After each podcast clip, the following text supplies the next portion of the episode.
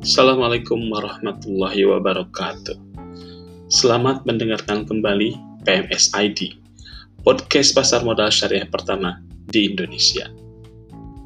Sering banget kita dengar orang bilang, pokoknya keuangan syariah itu yang penting akadnya. Apakah benar bahwa transaksi syariah itu yang penting akadnya? Atau ada hal lain yang lebih penting lagi?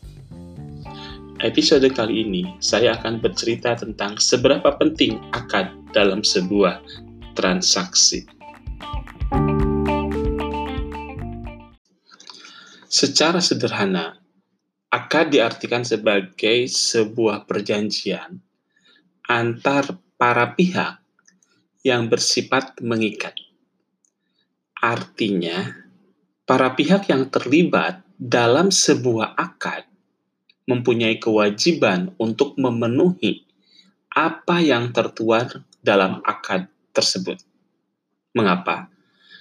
Karena sifatnya mengikat. Mengikat buat siapa? Buat para pihak yang terlibat tentunya. Nah, dari definisi tersebut, artinya ada tiga hal utama yang mendasari terjadinya sebuah akad atau sering juga disebut sebagai rukun akad. Pertama, para pihak yang terlibat. Nah, dulu waktu awal-awal eh, berbicara tentang akad, ketika sebuah transaksi masih belum kompleks, yang dimaksud para pihak itu terdiri dari penjual dan pembeli saja. Tetapi sekarang para pihak itu mencakup semua pihak yang terlibat dalam sebuah transaksi, termasuk broker, termasuk uh, penyelenggara sistem, sudah tentu penjual dan pembelinya. Nah, yang kedua, objek akad. Objek akad itu artinya adalah apa yang diperjanjikan dalam akad itu objeknya. Bisa proyek, bisa sebuah transaksi, bisa sebuah produk, bisa hubungan antar pihak. Jadi harus ada objeknya. Yang ketiga, kesepakatan. Jadi kalau tidak sepakat, maka akad tersebut batal secara otomatis. Para pihak yang terlibat dalam akad itu harus sepakat dalam hal apa saja. Semua yang mengakibatkan sebuah akad dilaksanakan sepakat dalam bentuk misalnya kuantitas produk, sepakat dalam bentuk e, waktu produk tersebut diluncurkan, sepakat dalam bentuk e, apa objek yang harus dilakukan, sepakat dalam bentuk apa hubungan antar e, para pihak yang akan nanti disepakati gitu ya, yang akan dijalankan ketika akad ini disepakati bersama. Nah, dengan adanya tiga rukun akad tersebut, maka jika ada salah satu akad yang tidak terpenuhi, maka akadnya otomatis tidak sah atau gugur. Karena namanya rukun harus terpenuhi semuanya, bukan atau ya. Ketiga rukun tersebut harus terpenuhi semuanya. Misalnya dalam sebuah transaksi saham syariah, di pasar modal syariah. Mulai dari investor buka akun, kemudian investor melakukan transaksi, hubungan antara investor dengan broker, hubungan antara broker dengan bursa efek, hubungan antara investor beli dan investor jual, itu semua harus ada akadnya. Harus ada kesepakatan sehingga terjadi sebuah transaksi. Nah, secara muamalah, akad itu sebenarnya ada dua jenis. Ada akad yang berbasis bisnis, ada akad yang berbasis sosial. Nah, tetapi dalam konteks kali ini kita akan fokus membahas tentang akad dalam konteks bisnis. Kenapa? Karena pasar modal syariah adalah bisnis. Jadi eh, kita lepas abaikan dulu tentang apa namanya eh, akad di, di dalam konteks sosial. Nah, Selanjutnya, kalau kita bicara akad, karena akad itu adalah penting, maka harus ada tertuang dalam regulasi sehingga mengikat secara hukum positif. Demikian pun di Indonesia, semua akad yang yang harus yang dapat digunakan uh, dalam sebuah transaksi di pasar modal syariah itu tertuang dalam peraturan, baik peraturan OJK maupun peraturan yang berbasis undang-undang. Bahkan banyak pilihan fatwa tentang akad. Kok banyak? Karena akad itu banyak banget. Akad itu jenisnya, variasinya banyak banget gitu ya. Tetapi ada beberapa akad yang memang menjadi eh, akad dasar. Artinya hampir semua akad yang lain berbasis akad tersebut. Nah, eh, kalau kita lihat undang-undang misalnya, undang-undang tentang eh, BSN atau sukuk negara. Di Undang-Undang Nomor 19 Tahun 2008 tentang sukuk negara, itu yang disebut akad secara jelas itu cuma ada empat, yaitu akad ijarah, akad mudarobah, akad musyarakah, dan akad istisna. Nah, beda lagi kalau kita lihat misalnya POJK tentang akad di POJK nomor 53. Itu disebutkan ada enam akad yang secara jelas disebutkan dalam peraturan tersebut, yaitu ijarah, mudarabah, musyarakah, istisna, kafalah, dan wakalah. Nah, tetapi baik di undang-undang maupun di peraturan ada satu pasal yang menyatakan bahwa dimungkinkan untuk menggunakan akad lain sepanjang tidak bertentangan dengan prinsip syariah. Nah, itu yang penting bahwa akad apa pun sebenarnya pada dasarnya bisa digunakan untuk sebuah transaksi, baik penerbitan efek, baik transaksi lainnya, sepanjang tidak bertentangan dengan syariah, semua variabel yang rukun akad tersebut terpenuhi. Jadi akad itu sederhana sebenarnya. Nah, rukun akad itu kalau kita rujuk dari eh, apa itu namanya perjanjian yang hukum positif itu sebenarnya sama aja. Ketika kita melakukan sebuah perjanjian bisnis itu pasti para pihaknya harus dicek Kemudian apa sih yang akan diperjanjikan? Kemudian para pihak harus sepakat. Jadi sebenarnya sama aja, cuma beda istilah mungkin, sama beda uh, outputnya. Kalau dalam sisi fikih tidak terpenuhinya salah satu dari rukun akad, maka akadnya batal. Kalau dari sisi hukum positif tidak terpenuhinya perjanji salah satu uh, variabel dalam perjanjian, maka perjanjian tersebut tidak bisa dilaksanakan. Jadi akad itu penting dalam sebuah bisnis, dalam sebuah transaksi, dalam sebuah penerbitan efek di pasar modal syariah. Tetapi di luar akad ada hal penting lainnya, yaitu apa? Yaitu pelakunya, yaitu barangnya, gitu, yaitu eh, kesepakatannya. Jadi akadnya secara akadnya penting, tetapi variabel lainnya lebih penting lagi.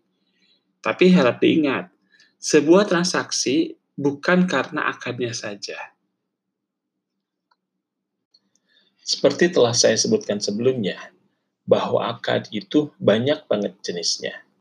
Tetapi ada beberapa jenis akad yang paling mendasar dan paling banyak digunakan di pasar modal syariah. Yaitu, satu, akad jual beli atau sering disebut dengan akad buy. Dua, akad kerjasama atau syirkah, tiga, akad sewa atau ijarah, empat, akad pemberian kuasa atau wakalah, lima, dan akad penjaminan atau kafalah. Nah, kelima akad ini yang paling banyak digunakan ketika kita bicara transaksi di pasar modal syariah. Sebenarnya akad yang eh, kalau bicara lebih besar, lebih luas lagi, yaitu di keuangan syariah, banyak banget yang lainnya. Tapi kita akan fokus kepada lima akad dasar yang sering dipakai di pasar modal syariah.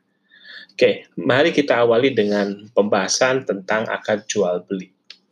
Nah, saya sengaja menggunakan istilah-istilah yang tidak langsung istilah fikih agar uh, kita bisa gampang mencerna setiap akad yang mendasari sebuah transaksi. Karena apa? Karena setiap akad sebenarnya kalau kita menggunakan istilah yang sehari-hari kita gunakan, itu lebih gampang kita cerna dibandingkan dengan menghafal istilah fikihnya. Akad jual beli atau yang sering disebut dengan akad buy itu adalah akad yang paling banyak digunakan dalam sebuah transaksi. Sehingga kalau kita bedah akad jual beli itu banyak banget jenisnya. Apa sih inti dari sebuah akad jual beli?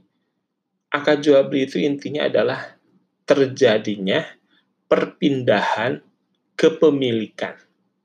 Jadi kalau tidak ada ter, tidak terjadi pemindahan kepemilikan, akadnya bisa dipastikan bukan jual beli. Nah, ada sebagian ulama yang menyatakan bahwa eh, kepemilikan yang pindah itu harus permanen. Meskipun ada juga yang bilang boleh sementara waktu. Gitu. Tapi intinya adalah akad jual beli itu adalah akad perpindahan kepemilikan. Sehingga ada yang mengatakan akad jual beli itu adalah akad tukar menukar. Betul. Tukar menukar antara apa? Macam-macam. Ada tukar menukar antar barang. Ada tukar menukar antara barang dan uang. Ada tukar menukar antara uang. Semua itu adalah jual beli. Tetapi dengan syarat yang berbeda-beda. Nah, yang paling sering terjadi saat ini adalah pertukaran antara barang dengan uang sehingga semua eh, transaksi jika itu adalah jual beli maka ada barang ada harga yang dikonversi dengan uang. Ada para pihak. Nah para pihaknya itu kalau saat ini bukan hanya penjual dan pembeli di situ ada perantara baik perantara beli maupun perantara jual. Masing-masing sekarang sudah ada agennya. Jarang sekali yang direct gitu, kecuali kalau kita di pasar tradisional. Itu pun pasar tradisional sebenarnya ada barang yang memang e, bukan kepunyaan si penjualnya, dia ada titipan, sehingga si penjualnya itu berperilaku sebagai agen atau perantara dari si pihak penjual pertama. Nah, ada beberapa istilah sih dalam fikih tentang akad, tapi uh, menjadi tidak terlalu penting untuk memahami konsepnya, kecuali kalau misalnya kita ingin mendalami secara fikih. Jangan sampai nanti kita menghafal istilah-istilah fikihnya, tetapi kita kita sebenarnya tidak paham konsep dari akad tersebut. Jadi kalau kita misalnya tadi saya bilang barter, itu kan transaksi yang paling transaksi tukar menukar atau jual beli yang paling jadul ya dulu mungkin sebelum ada ditemukannya uang, barter adalah nomor satu. Tetapi Rasul sendiri sebenarnya sangat tidak menyarankan terjadinya barter. Karena ada sebuah hadis yang menyatakan bahwa datang eh, sahabat datang ke Rasul. Dia membawa kurma yang sangat bagus. gitu. Kemudian ditanya sama Rasul, dari mana kurma ini? Sahabatnya jawab, ini ditukar dari kurma saya yang e, kualitasnya tidak bagus dengan kurma yang bagus ini. Nah, Rasul jawabnya adalah jual dulu kurmanya, kemudian kamu belikan kurmanya. Kurma yang bagus. Jadi maksudnya jual dulu kurma yang jelek tadi atau yang kurang bagus, hasil penjualannya baru diberikan dengan uh, kurma yang bagus. Nah, dalam hadis tersebut sudah sangat jelas bahwa Rasul menyarankan tukar menukar itu bukan barang dengan barang, tetapi dengan barang dengan uang. Untuk apa? Untuk mengurangi para pihak yang merasa dirugikan karena tukar menukar barang tersebut. Nah, eh, karena ada tukar menukar barang dengan uang, maka di situ ada yang namanya harga barang. Nah, harga barang itu secara syariah maupun secara eh, ekonomi sebenarnya hampir sama. Ada barang, ada harga penawaran penawaran itu ada dua, harga penawaran beli dan harga penawaran jual. Ada harga pasar. Harga pasar itu harga transaksi kesepakatan antara pembeli dan penjual. Nah, kalau teman-teman nanti dengar istilah saman dalam konteks fikih, maka yang dimaksud dengan saman itu adalah harga pasar atau harga kesepakatan yang terjadi di pasar antara penjual dan pembeli, bukan harga penawaran jual maupun harga penawaran beli. Kalau kita bicara harga penawaran, maka biasanya ada dua jenis. Ada yang namanya harga perolehan, yaitu eh, bisa jadi dia harga produksi, gitu ya, atau ada juga yang disebut dengan harga jual.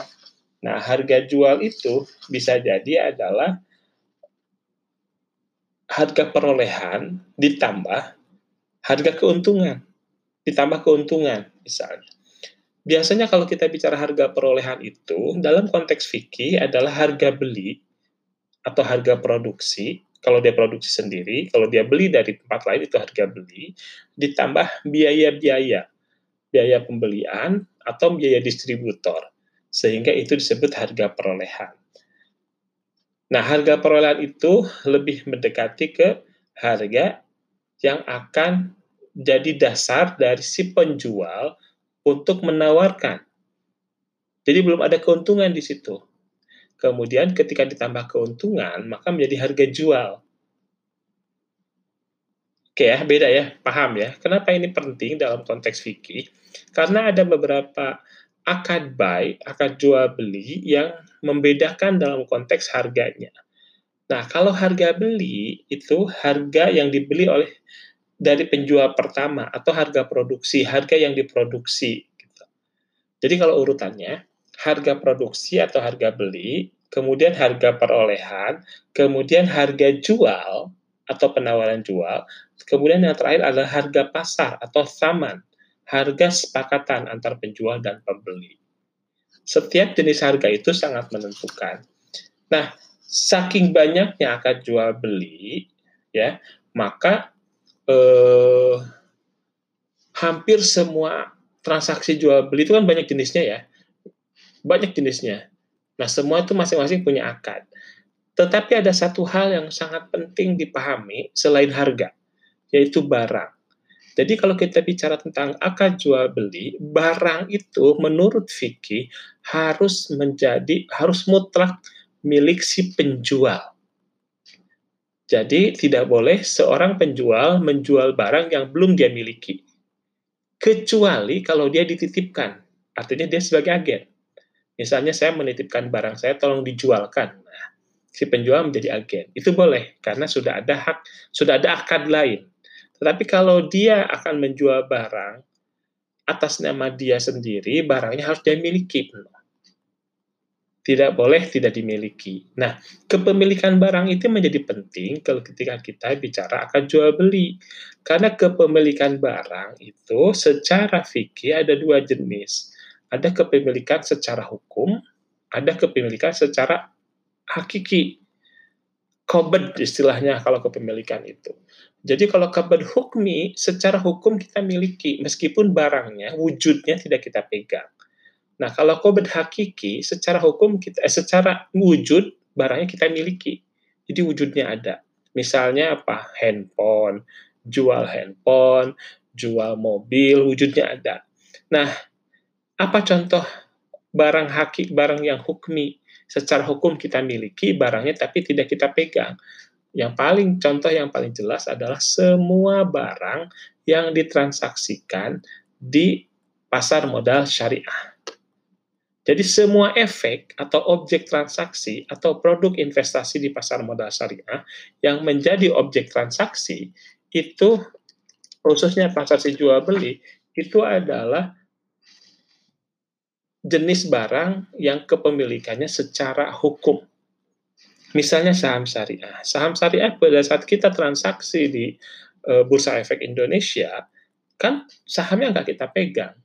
Tapi bukti kepemilikannya yang kita transaksikan. Jadi secara hukum, kepemilikan itu punya kita dan kita transaksikan. Perusahaannya tidak kita pegang. Tidak kita serah terimakan. Yang kita terimakan adalah buktinya Nah, itu secara fikih disebut sebagai kepemilikan secara hukum atau qabd hukmi. Nah, ini penting karena ada ada orang yang memahami bahwa transaksi jual beli itu harus hakiki semua enggak. Jadi hukmi pun e, bisa sekarang. Nah, e, banyak e, tadi saya sudah bilang banyak sekali jenis-jenis akad jual beli, tapi saya akan sebutkan beberapa yang sering digunakan di pasar modal syariah. Pertama adalah akad bay al musawamah. Jadi bay al musawamah itu eh, akad seperti continuous auction atau tawar menawar mencari harga yang terbaik. harga terbaik itu bisa nawar ke atas, bisa nawar ke bawah. Seperti di pasar lah persis, itu uh, itu akad bay al musawamah. Jadi kita tawar menawar sampai menemukan kesepakatan harga. Bisa ke atas, bisa ke bawah. Misalnya ke atas itu gimana? Misalnya si penjual kan pasti menawar harga lebih tinggi. Misalnya penjual menawarkan barang seharga 10.000. Pembeli menawarkan barang seharga 8.000. Nah, belum ketemu kan? Nah, tetapi penjualnya ke ke pokoknya saya mau 10.000. Nah, sementara pembelinya butuh. Akhirnya pembelinya e, menaikkan tawarannya menjadi 10.000 sehingga harga atas yang terjadi. Nah, itu harga pasarnya harga atas. Bisa jadi sebaliknya. Gitu. Itu namanya akad bay alam sawamah. Nah, akad inilah yang terjadi, yang digunakan ketika investor melakukan transaksi saham di pasar sekunder, melakukan transaksi saham di Bursa Efek Indonesia. Jadi tawar-menawar yang terjadi di Bursa Efek Indonesia menggunakan akad buy al musawamah. Oke, nah karena buy al musawamah itu yang namanya bahasa pasar modalnya menjadi continuous auction. Yang dicari adalah harga sepakatan atau saman itu. Itu harga pasar. Ada lagi yang paling sering terkenal di Indonesia keuangan itu adalah buy al murabahah. Biasanya kalau di Indonesia buy-nya nggak disebut, langsung aja akad murabahah. Padahal itu adalah akad jual beli. Bedanya apa dengan akad musawamah? Ada dua hal. Dalam bentuk pertama dalam masalah harga. Jadi kalau harga yang ditawarkan dalam buy al musawamah itu harga jual. Jadi si investor nggak si investor yang jual barang nggak perlu atau tidak harus mendeklarasikan berapa harga belinya dan berapa keuntungan nggak perlu pokoknya ini harga jual saya mau nggak gitu nah sebentar ya di buy al murabahah sangat penting menjelaskan ini harga perolehannya dan ini keuntungan saya. Itu yang paling signifikan. Jadi murabah itu harus menjelaskan berapa harga perolehannya dia atau harga beli awal dan berapa keuntungan yang mau diambil. Harus disebutkan di awal dan harus dijelaskan dua-duanya. Itu yang pertama bedanya dengan bay al musawamah.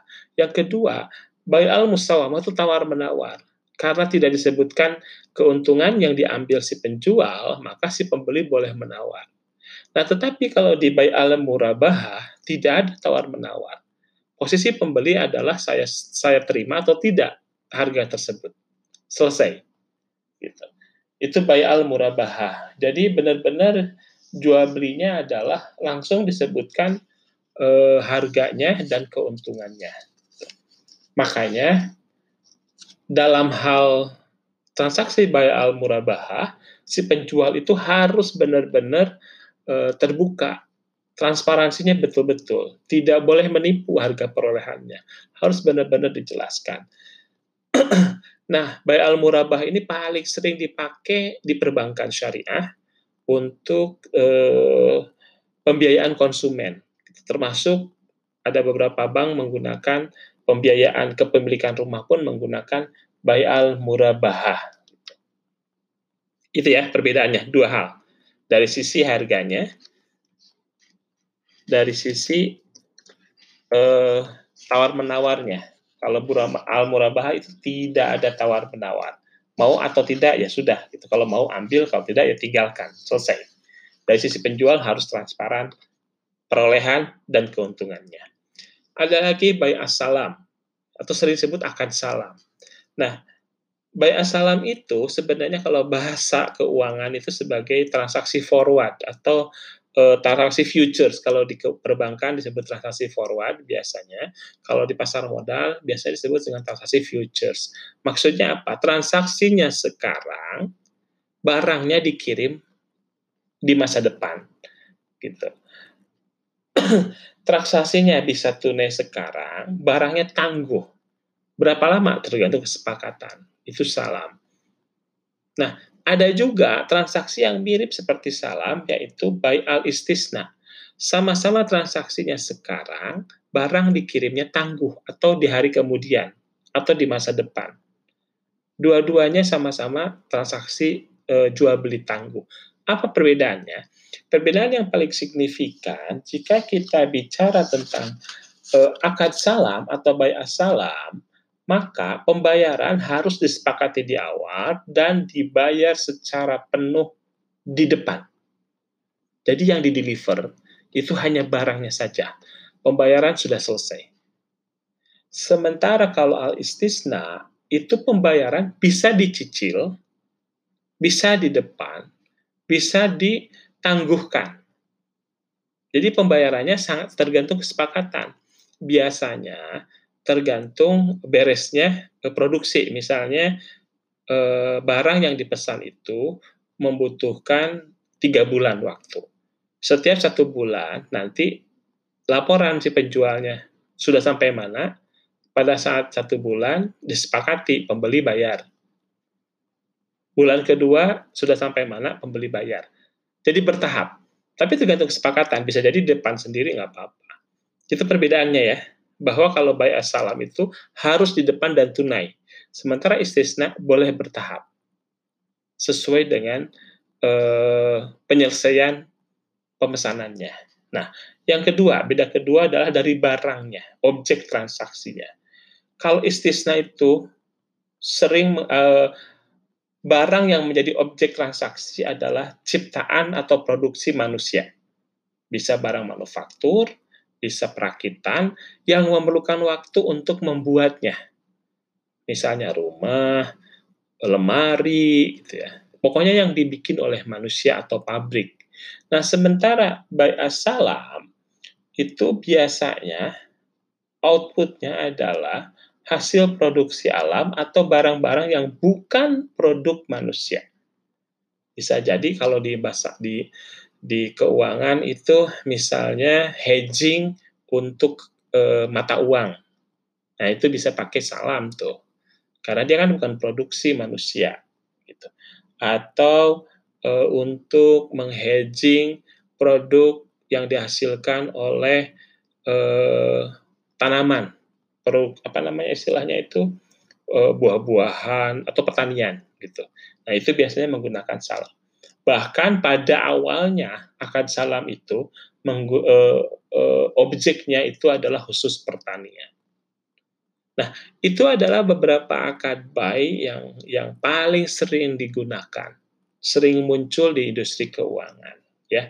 Jadi ingat kalau kita bicara tentang akad jual beli atau akad buy, maka wajib paham tentang produk barang ob, objeknya, kemudian tentang harganya, kemudian tentang tata cara serah terima dan tukar antara uang dan barangnya.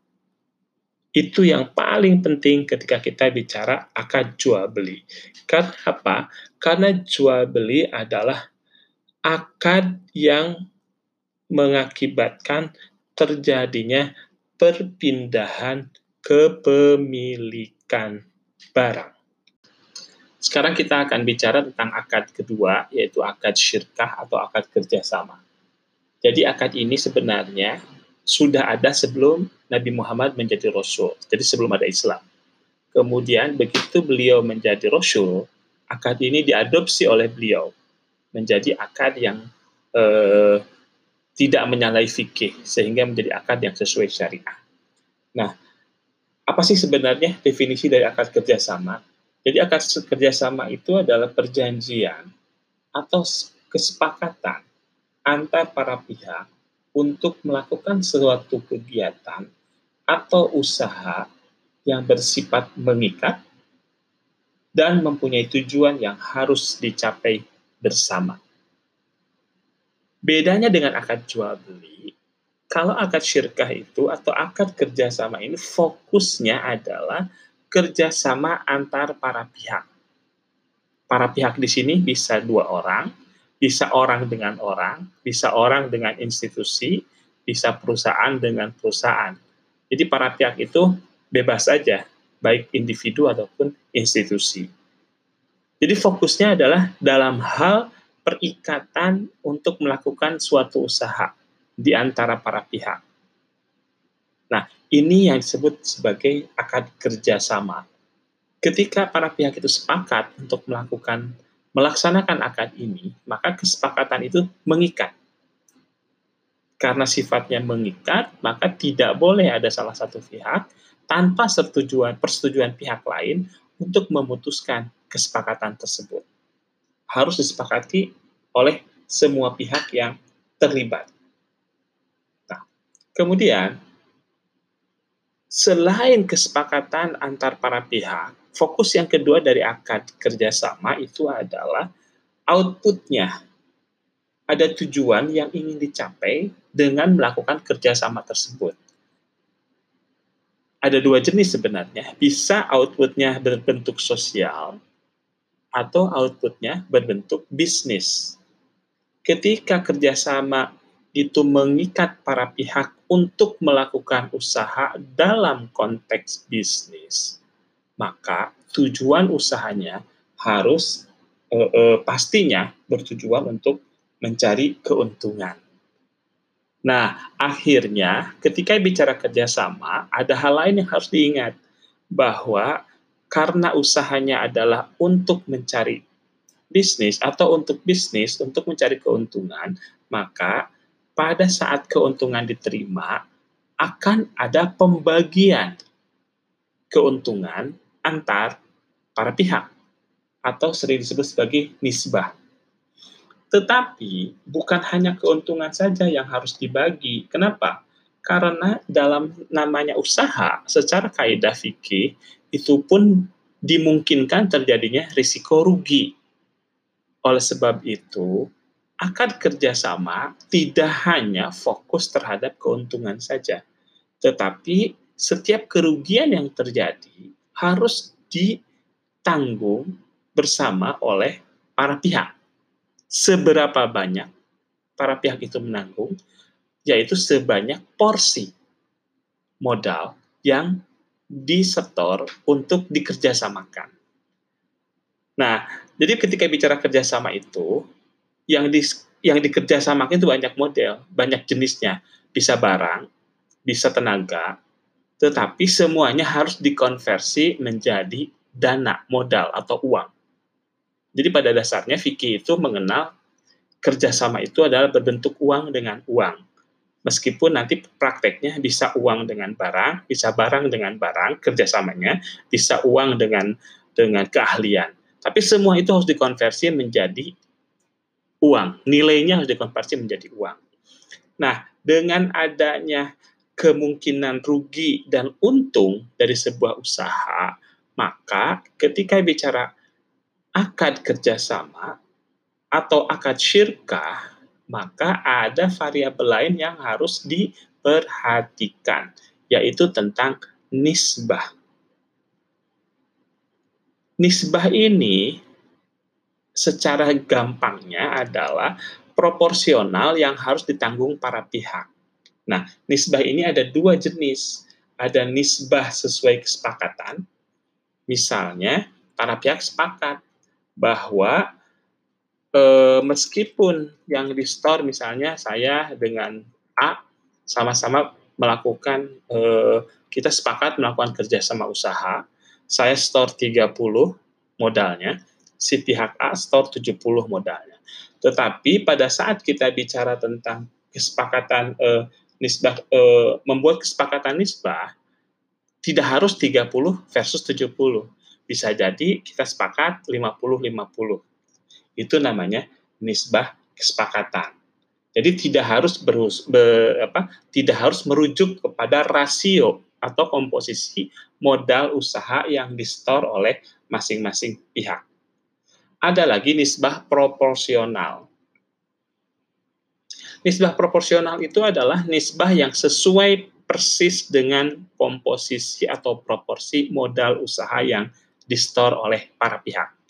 Kalau saya 50-50, berarti nisbahnya persis 50-50.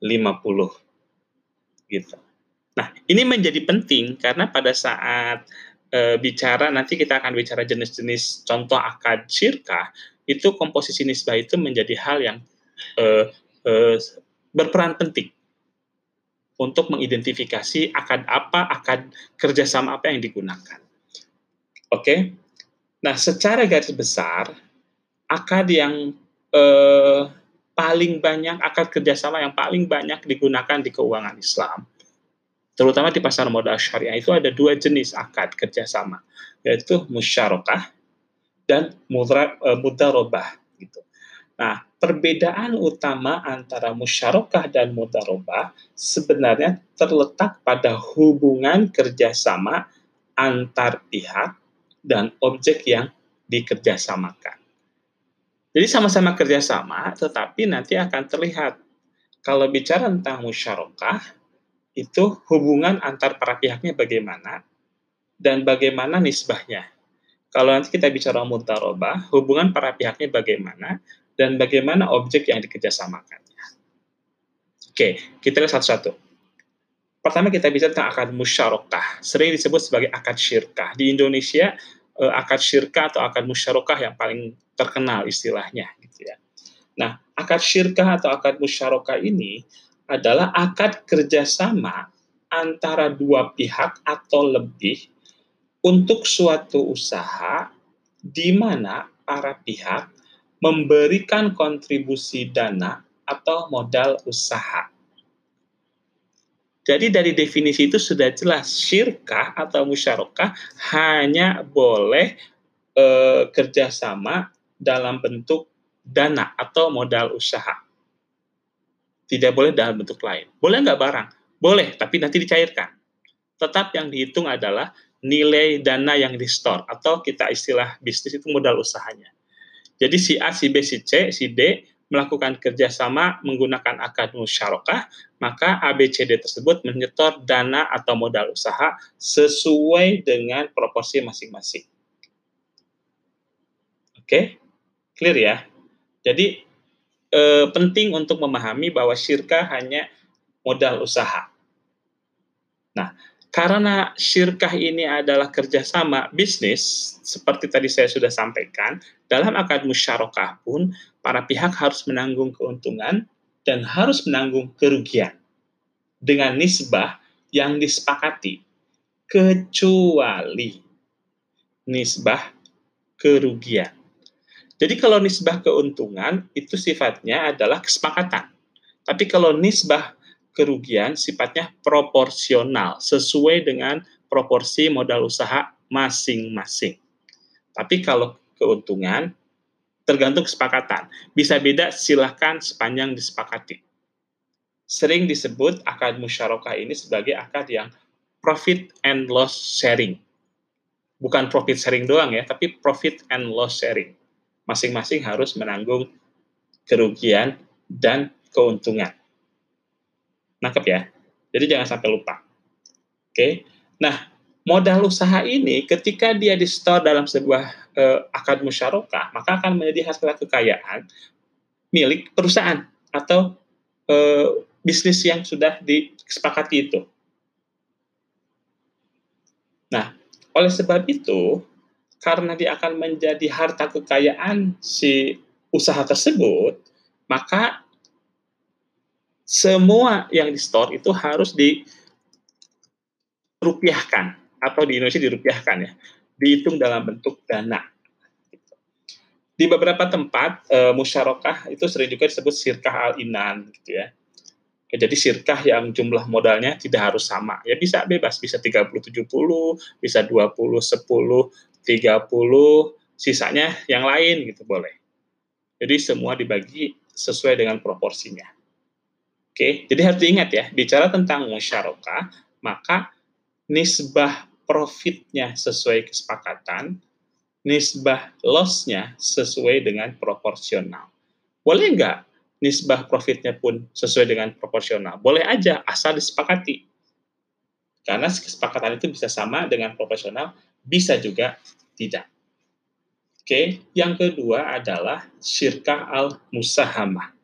Nah, ini menarik. Sirka al-musahama ini relatif jarang digunakan atau kalau kita bicara referensi-referensi uh, textbook gitu jarang menyebutkan istilah syirkah al-musahama. Ya, tetapi uh, di Indonesia akad syirkah musahama ini diperkenalkan oleh DSN MUI ketika uh, berbicara tentang eh, perseroan terbatas yang berlaku di hukum Indonesia. Apa sih sirkah musyahamah ini? Gitu ya. Jadi sirkah musyahamah ini sama, kita bicara tentang sirkah musyahamah masih bagian dari musyarakah, salah satu jenis dari musyarakah. Itu adalah sirkah musyahamah. Jadi pokoknya tetap modal usaha.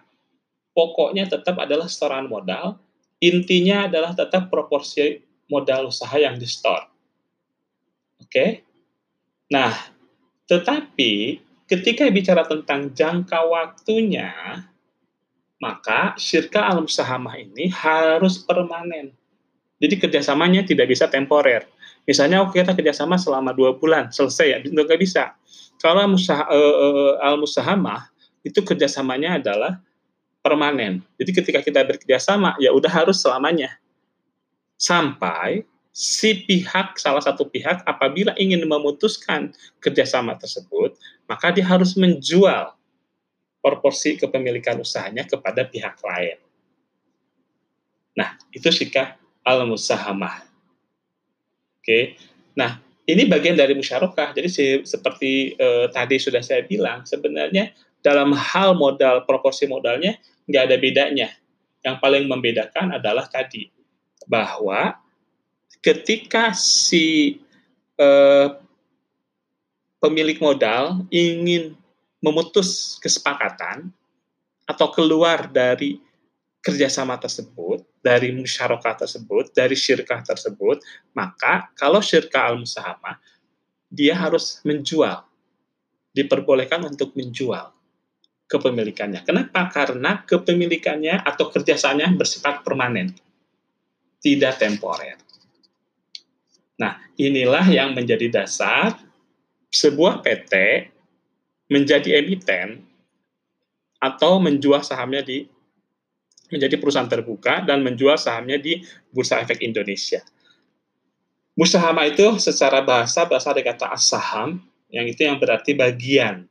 Jadi sebenarnya contoh dari syirka al-musahama itu adalah emiten tadi sudah saya bilang atau perusahaan terbuka yang tercatat di Bursa Efek Indonesia. Oke, akad syirkah yang kedua yang paling uh, sering di, di, di, digunakan di keuangan itu adalah namanya mudarobah. Nah, kerjasama ya dengan menggunakan akad mudarobah itu adalah suatu kegiatan usaha antara pemilik modal yang menyediakan modalnya dengan pihak pengelola usaha. Nah, ini bedanya. Kalau tadi syirkah e, musyarakah, musyarakah itu adalah para pihaknya dua-duanya store modal. Sementara mudarabah kerjasamanya ada satu pihak yang store uang, store modal, ada satu pihak yang store e, pengelolaan. Jadi dia punya keahlian, store keahlian. Keahliannya ini pun tetap harus dikuantisir, apa harus dihitung secara nilai uang gitu meskipun dia nggak store uangnya. Nah, nangkep ya bedanya. Jadi mudaroba itu ada yang sering disebut sebagai sahibul mal, orang yang punya duitnya, dengan mudarib, orang yang mempunyai keahlian. Mereka bekerja sama untuk melakukan sebuah usaha, akadnya menggunakan akad mudarobah. Gitu. Nah, yang menariknya adalah ketika bicara tentang akad mudarobah, maka pada saat terjadi keuntungan atau pada saat terjadi kerugian, maka nisbahnya itu adalah nisbah kesepakatan. Jadi masing-masing pihak sepakat untuk membagi jika perusahaan itu, jika usaha itu mendapat keuntungan. Persentasinya berapa? Ya tergantung kesepakatan. Kecuali jika terjadi kerugian, maka nisbahnya itu ditanggung 100% oleh si pemilik modal dengan catatan kerugiannya bukan karena tindakan yang dilakukan oleh mudarib atau si pengelola usaha yang licik atau tidak benar dalam pengelolaannya atau e, istilahnya integritasnya dipermasalahkan. Artinya apa? Artinya usaha itu rugi karena kesalahan dari si pengelola. Usaha itu rugi karena disengaja atau kesalahan dari si mudorib. Maka ketika itu terjadi, mudorib pun harus menanggung kerugian. Tetapi jika kerugian yang ditanggung oleh perusahaan itu normal, jadi usaha memang misalnya bisnis uh, lagi lagi nggak bagus nih. Sekarang taruhlah misalnya sekarang bisnis lagi nggak bagus nih, sehingga perusahaannya rugi gitu, usahanya rugi itu. Nah, ketika kerugian itu terjadi, yang nanggung hanya sehebul mal atau pihak yang mempunyai modal. Sisi modori pengelola enggak menanggung kerugiannya. Nah, dua akad musyar, dua akad syirkah yang paling terkenal itulah yang sering digunakan di Indonesia, musyarakah dan mutarabah. Khusus untuk pasar modal syariah, musyarakah ini diturunkan lagi ada yang lebih spesifik namanya syirkah al-musahamah sekarang kita cerita atau kita bahas tentang akad sewa atau sering disebut sebagai akad ijarah. Akad sewa sebenarnya gampang banget memahaminya karena e, tidak jauh beda dengan akad sewa yang kita kenal selama ini. Jadi akad sewa itu adalah sebuah perjanjian sewa menyewa barang atau jasa antara pemilik barang atau jasa dengan penyewa. Dalam konteks ini, ada barang, ada pemilik barang, ada penyewa barang. Barangnya meskipun yang dipindah tangankan adalah barangnya, tetapi yang disewa oleh penyewa barang itu adalah manfaat dari barang tersebut. Misalnya, saya menyewa sebuah mobil maka mobilnya diserah terimakan ke saya. Tetapi sebenarnya yang saya gunakan adalah manfaat dari mobil tersebut. Demikian juga kalau misalnya saya menyewa rumah, saya menyewa ruko, sama persis. Objeknya adalah manfaat dari barang. Bisa juga objeknya adalah manfaat dari jasa. Contohnya apa? Perusahaan menyewa jasa tenaga karyawannya jadi dalam konteks fikih, hubungan antara karyawan dengan perusahaan itu menggunakan akad ijarah di mana karyawan pemilik jasa, perusahaan penyewa jasa. Maka hubungannya adalah ijarah. Nah, si pemilik jasa kan mendapat uang. Si pemilik barang mendapat uang dari objek yang disewakan tersebut uang ini sering disebut sebagai ujroh dalam konteks akad ijarah. Sehingga akad sewa sering dibilang sebagai akad ijarah bil ujroh.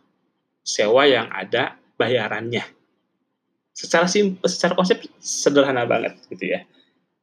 Nah, ada hal lain lagi harus diperhatikan bicara tentang akad sewa. Selain barang, selain penyewa selain pemilik barang, yaitu ada yang namanya periode uh, periode waktu sewa. Jadi akad sewa itu ada batasnya, maka disebut kontrak. Satu tahun, dua tahun, tergantung kesepakatan, terserah. Jadi pada saat e, kontraknya habis, jatuh tempo masa kontrak, jatuh tempo masa sewa, maka barangnya diserah terimakan kembali dari si penyewa kepada pemilik barang. Karena kontraknya, sewanya sudah habis. Oke ya, clear ya. Jadi sewa itu bisa eh, ada batas waktunya.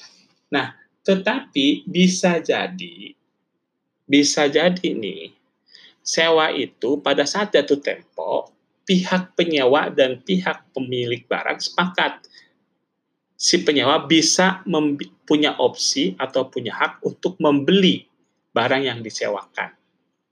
Nah, itu sebenarnya ijarah juga, tapi sudah hybrid. Itu yang sering digunakan di di perbankan sebagai apa? Ijarah muntah muntahiyati tamlik, ya, IMBT gitu. Ada akad khusus lagi, ada janji lain di ujung eh, di ujung akhir sewa gitu. Tetapi boleh.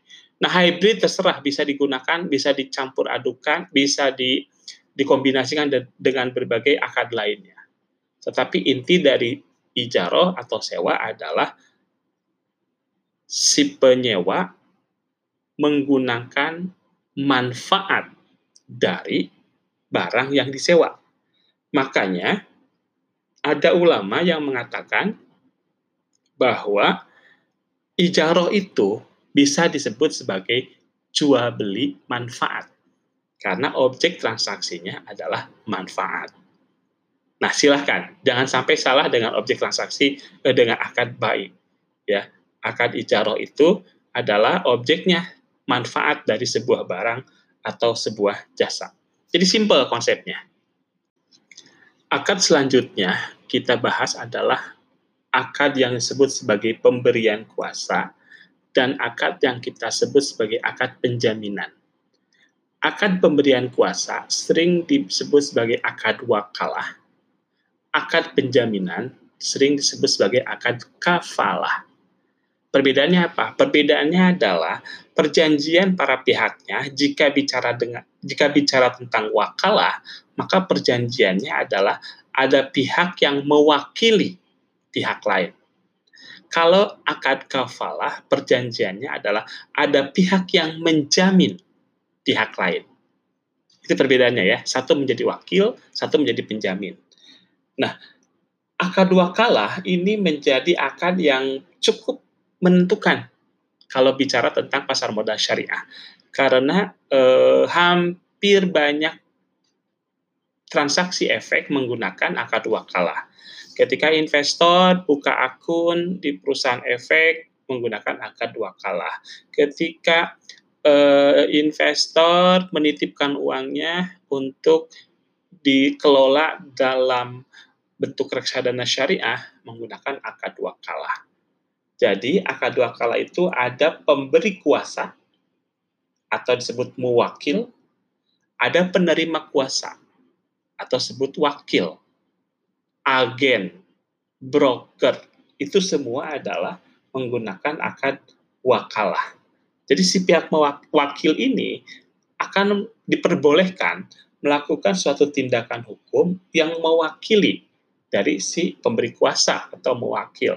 Misalnya, perusahaan efek itu wakil dari investor, sehingga perusahaan of efek boleh mewakili investor untuk meneruskan order ke Bursa Efek Indonesia. Si pengelola investasi, manajer investasi adalah wakil dari investor. Sehingga manajer investasi boleh mengelola dana investor yang dititipkan dalam bentuk reksadana syariah. Nah, wakil ini karena dia sebagai uh, uh, dia karena dia melakukan fungsi hukum atau menjalankan usaha atau menjalankan aktivitas mewakili si mewakil, maka wakil ini berhak mendapat fee atau ujroh. Sehingga sering wakalah itu digabungkan sebagai wakalah bil ujroh si pihak wakil menerima ujroh atau fee dari kegiatan mewakili dari si pihak mewakil atau pemberi kuasa. Dari mana ujrohnya? Dari pemberi kuasa. Misalnya, ketika investor melakukan transaksi, mewakilkan transaksinya untuk diteruskan ordernya ke Bursa Efek Indonesia, maka ketika ordernya jadi, transaksinya dan perusahaan efek berhak mengambil ijaroh, berhak memperoleh ijaroh dalam bentuk fee transaksi dari setiap transaksi, baik jual atau beli. MI menerima fee transaksi, menerima fee pengelolaan atau menerima ujroh dari kegiatan mereka mengelola dana kita dalam bentuk reksadana syariah. Jadi si pihak uh, wakil berhak menerima ujroh. Itu wakalah ya. Nah sekarang kalau kafalah, maka bedanya tadi sudah sudah saya bilang kan, ada pihak yang memberi, uh, yang menjamin, memberikan jaminan kepada pihak lain. Jadi kafalah ini perjanjian antara pihak yang membutuhkan jaminan atau pihak yang meminta jaminan dengan pihak yang memberikan jaminan. Oke, okay? sehingga penjaminan itu menjadi kewajiban dari pihak si eh, apa namanya dari pihak si yang sanggup menjamin tersebut. Sama seperti wakalah, yang namanya pihak penjamin atau dibilang sebagai kafil itu berhak mendapatkan fee yang disebut ujroh. Sehingga kafalah pun sama dibilang sering disebut sebagai kafalah bil ujroh. Jadi akad penjaminan yang mendapatkan fee. Gitu. Kalau tadi wakalah itu yang mengelolanya disebut wakil, kalau kafalah yang penjaminnya disebut sebagai kafil. Pihak yang memberikan jaminan. Nah, dalam hal perjanjian eh, akad penjaminan ini akan sering digunakan pada saat penawaran umum karena semua perusahaan yang melakukan penawaran umum biasanya menggunakan pihak yang disebut sebagai penjamin efek. Ada pihak underwriter. Nah, mereka itu hubungan antara underwriter, penjamin emisi dengan underwriter atau penjamin emisi dengan emiten itu menggunakan akad kafalah bil ujroh. Jadi, selama proses baik dari sisi supply maupun dari sisi demand, sisi supply itu adalah ketika perusahaan mau menjadi emiten, di situ ada akad kafalah. Sisi demand itu adalah ketika investor melakukan transaksi. Di situ ada akad wakalah.